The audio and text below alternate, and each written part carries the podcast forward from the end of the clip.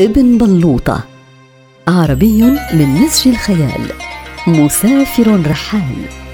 جال أقطار العربان. يجمع قصص تلك البلدان.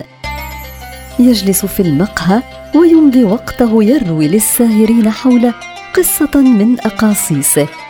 فمن عرف من السامعين المعاني المخبأة بين سطورها نال منه هدية قيمة.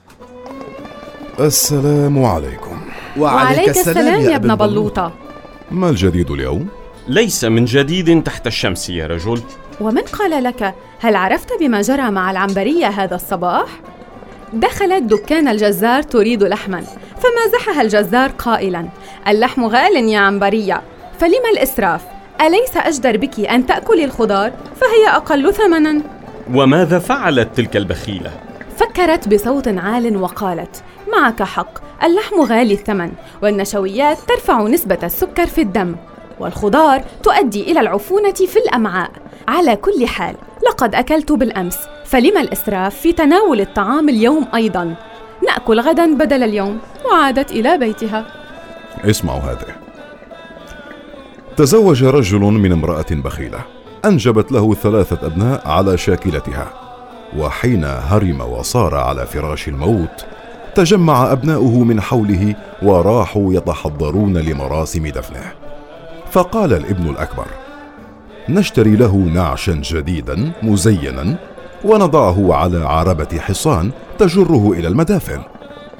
ونزينها بالأزهار البيضاء ثم نعلم الأهل والأصدقاء في القرى المحيطة بنا كي يحضروا الدفن. فاعترض الابن الثاني وقال ولم الإسراف يا أخي؟ نحمله على أكتافنا فنوفر على أنفسنا إيجار عربة الحصان. ثم لما الأزهار؟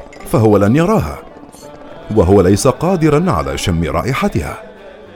فقام الابن الثالث وقال أولا تعتقدون أن في دعوة الناس من القرى المجاورة تبذير للأموال؟ فمن يطعم هذا الجمع؟ ثم لمن نعش الجديد؟ أي نعش قديم يكفي؟ فهو لن يعرف به. وهل نشتري نعشا جديدا كي يرضى الناس عن المظاهر؟ هذا التبذير بحد ذاته. فقامت الزوجة أخيرا وقالت أنتم جميعا مبذرين.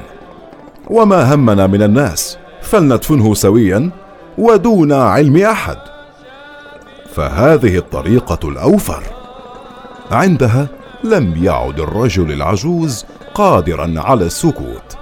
وهو الذي كان يسمع كل الحديث من حوله فقال لزوجته هات لي ثيابي يا امرأة ووفروا على أنفسكم كل هذا الجهد فأنا ذاهب إلى المدافن مشيا على الأقدام.